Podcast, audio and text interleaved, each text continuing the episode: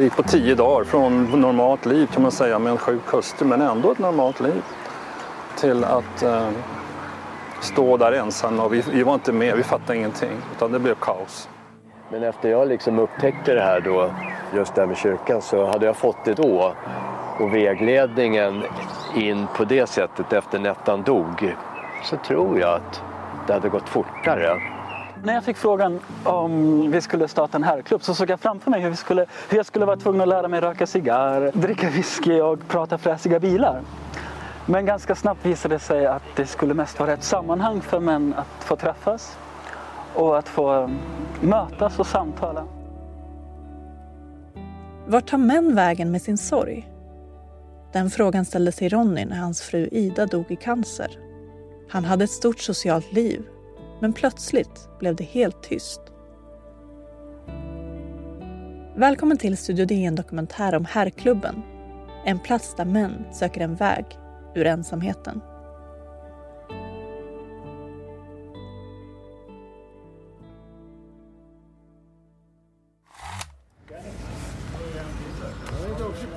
Var är Kenneth? Frågan kommer från en av de 15 herrar som samlats i en cirkel på parkeringen framför Huddinges församlingslokal. Han är på sjukhus, jag ska hälsa så mycket från honom. Han är på sjukhus. Jag ska hälsa så mycket från honom, svarar Daniel Hafner, ledare för herrklubben. Kenneth, en pigg 80-åring, är annars den som brukar anlända först till träffarna ofta 20 minuter före utsatt tid. Han tar inte mycket plats, men lyssnar alltid uppmärksamt. Ja, välkomna in! Herrklubben är en mötesplats för män, flera av dem enklingar. De flesta är mellan 60 och 80 och bor i Huddinge. Asfalten dallrar av värmen och det är en av de första gångerna som herrklubben kan ses på riktigt igen efter det nya coronavirusets entré. Nu fika. Underbart. Det bästa. Ja, bästa. Ja. Männen sitter i en ring runt en serveringsvagn med kaffe och bullar. Vissa för livliga samtal. Andra tar in stunden i tysthet. Under pandemin har herrarna längtat efter sitt sammanhang. Herrklubben är en öppen gemenskap där man inte behöver vara kristen eller ha anknytning till kyrkan. Ibland grillar herrarna eller besöker ett museum. Andra gånger dricker de kaffe och pratar. Jag heter Daniel Hafner och jag är präst här i Huddinge församling och jag leder herrklubben det som kännetecknar här, här klubben har jag tänkt på, det är egentligen tre T. Det är tillit, det är tillåtelse och det är tillförsikt. Och i de orden så ryms egentligen allt det som gestaltar här klubben. Att det är enkelt att komma, du kan komma precis som du är. Uh, det finns en ganska stark känsla av att det här kommer bli bra. Och att det också finns ett intresse för, men vem är människan bakom alla, eller under alla schabloner?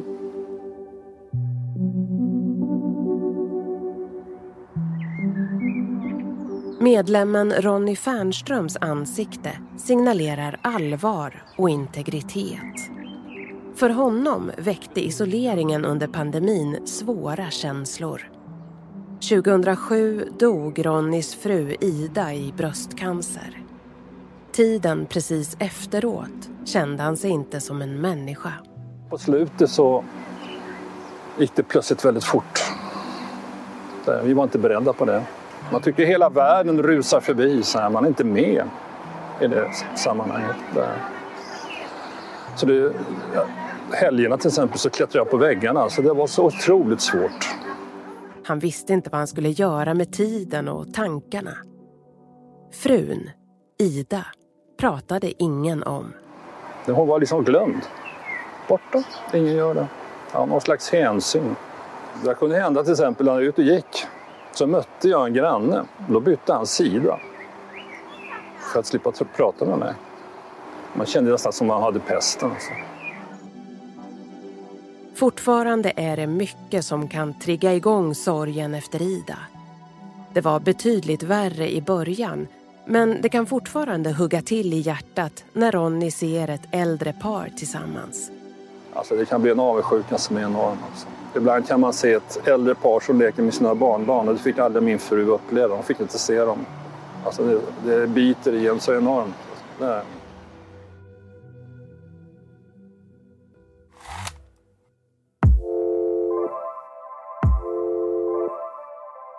Ronny bestämde sig för att försöka börja leva igen och märkte att nya bekanta var en nyckel till att kunna komma vidare. Alltså det finns ju hopp att livet kan återvända på ett eller annat sätt. Men det är självhjälp som gäller. Det är ingen som kommer uppifrån och fixar till det. Och en nyckel här tycker jag, det är nya vänner, nya bekantskaper. Samtidigt så hade en i bekantskapskretsen en kvinna blivit änka och hon hade hittat en förening som hette Vemil. Vi som har mist någon mitt i livet. Och den hoppade jag in i och var med på deras möten. Man träffar andra som sitter i samma situationer. Det är svårt att leva. Samtidigt kunde han inte låta bli att notera hur fördelningen i gruppen såg ut. Över 90 procent var kvinnor.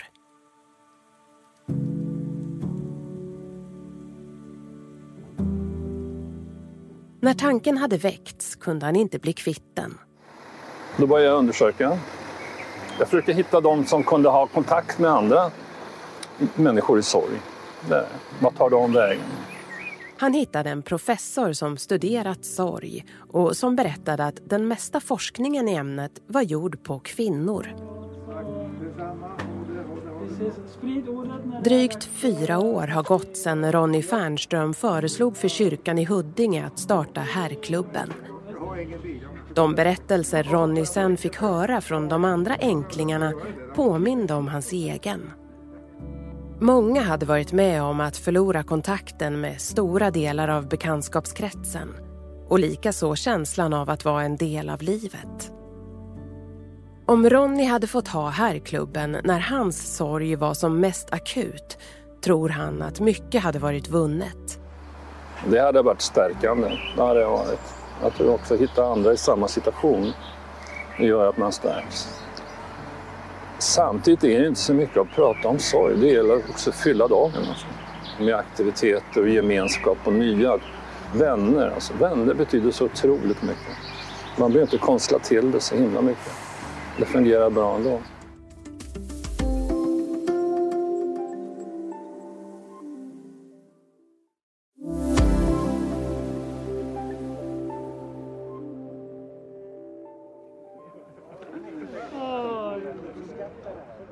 Solen gassar på herrarna som sitter i en ring på parkeringen utanför församlingshuset. Medlemmarna i herrklubben har blandade yrkesbakgrunder.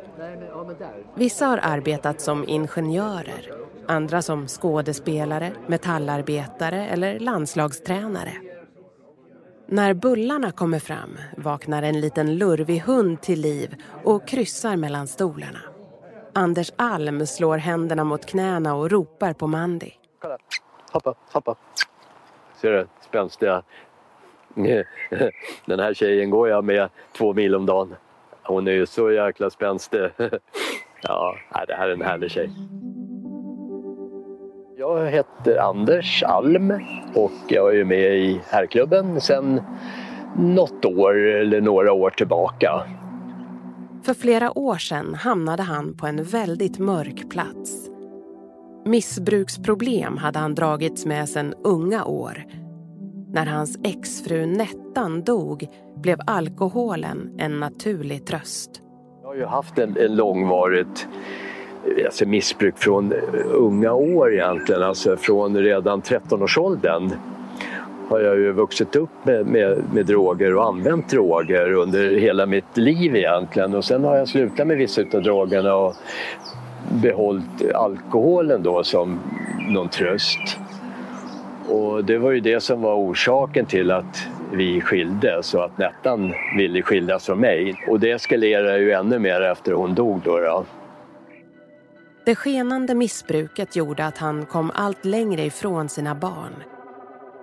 Någon hjälp bad han inte om, varken från bekanta eller samhället.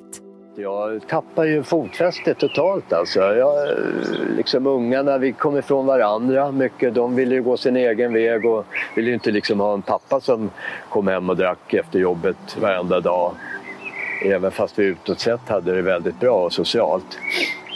Så mycket till den graden, alltså från 2008 till 2018 som jag då tog beslutet att sluta upp med allt vad det gäller. Så jag har ju liksom varit helt drogfri då i 33 månader. Första gången på 50 år alltså. Mm, 50 år. Ja. Han tror att de destruktiva banor som människor kan hamna i efter en förlust kan undvikas. Men efter jag liksom upptäckte det här då för kanske ett par, tre år sedan, just det här med kyrkan, så hade jag fått det då. Och vägledningen in på det sättet efter Nettan dog. Det säger att kyrkan tog kontakt med mig eller ja, någon sorts sånt. Så tror jag att det hade gått fortare. Men jag kanske ändå inte var färdig då, det vet jag ju inte. Men jag vet ju att jag är färdig idag och en del i av att jag är färdig idag och tagit beslutet är ju kyrkans del också. Det, det är så, alltså det, det är så.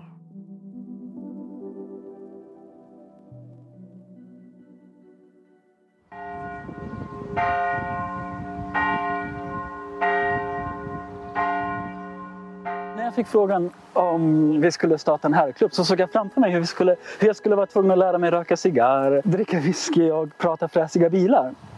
Men ganska snabbt visade det sig att det skulle mest vara ett sammanhang för män att få träffas och att få mötas och samtala.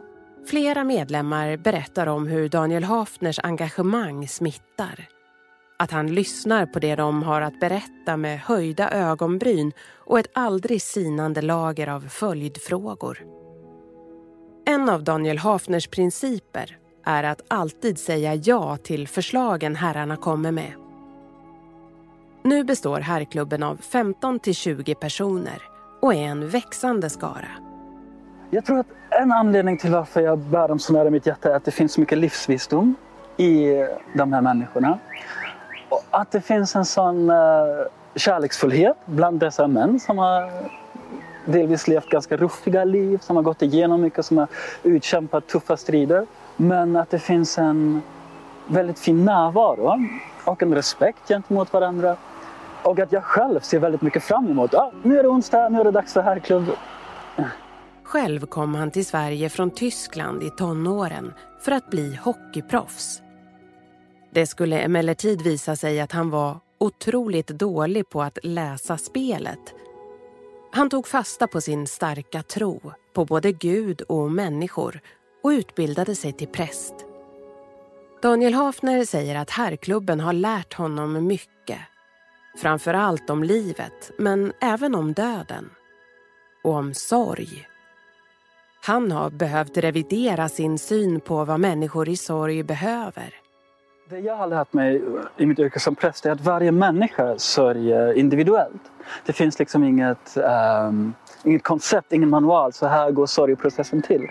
Däremot tänker jag att om man generaliserar lite så kanske det finns ett större behov bland män av att få umgås och ingå i ett sammanhang. Att det kan vara läkande snarare än att behöva analysera den känslomässiga processen som en förlust för med sig.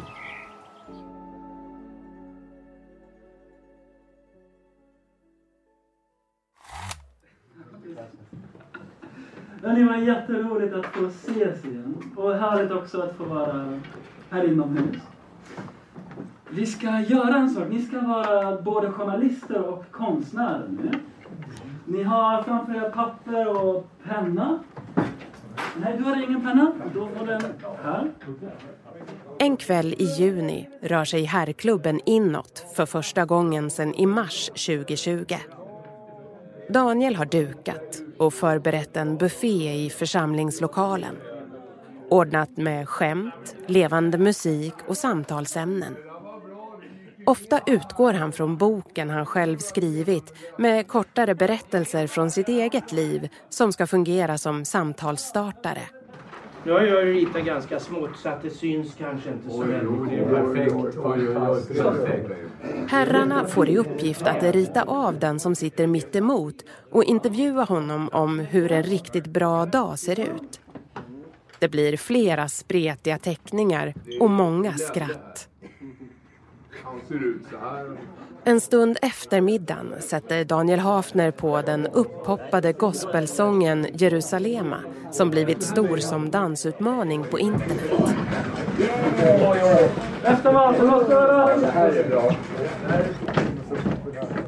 Efter några milda protester ställer sig herrarna en efter en upp och följer Daniels rörelser med höjda armar till den pulserande musiken.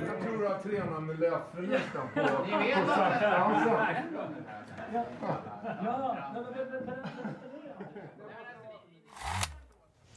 Vi sjunger tillsammans vår första psalm. Psalm 249.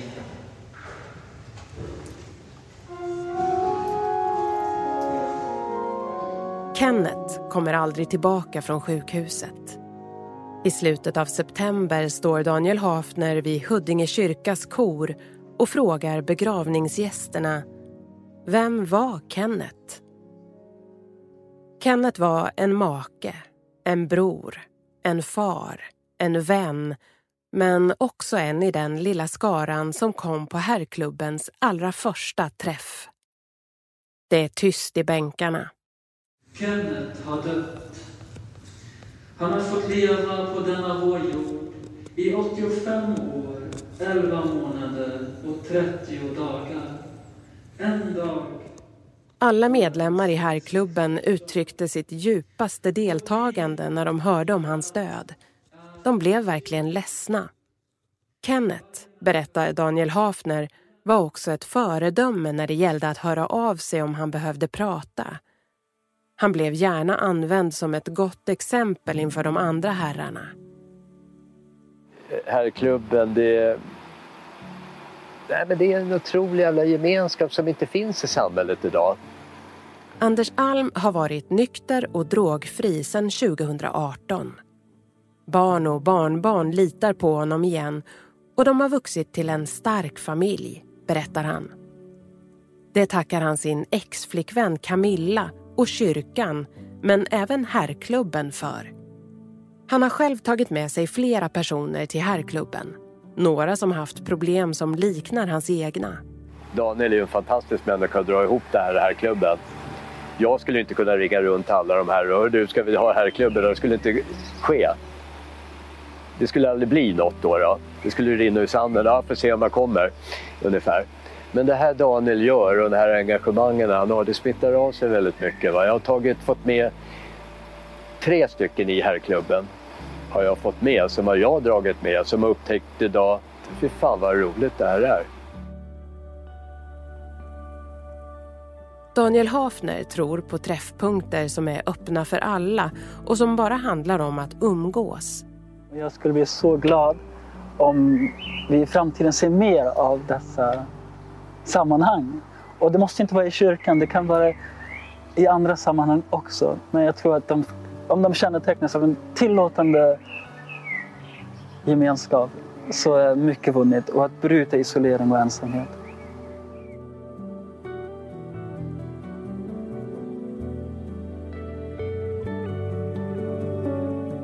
Det här avsnittet har producerats av mig, Madeleine Longo.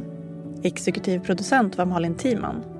De medverkande var medlemmarna i herrklubben, Ronny Fernström och Anders Alm samt prästen Daniel Hafner. Ljudtekniker var Patrik Miesenberger och berättarrösten var Susanna Levenhaupt från Beppo ljudproduktion.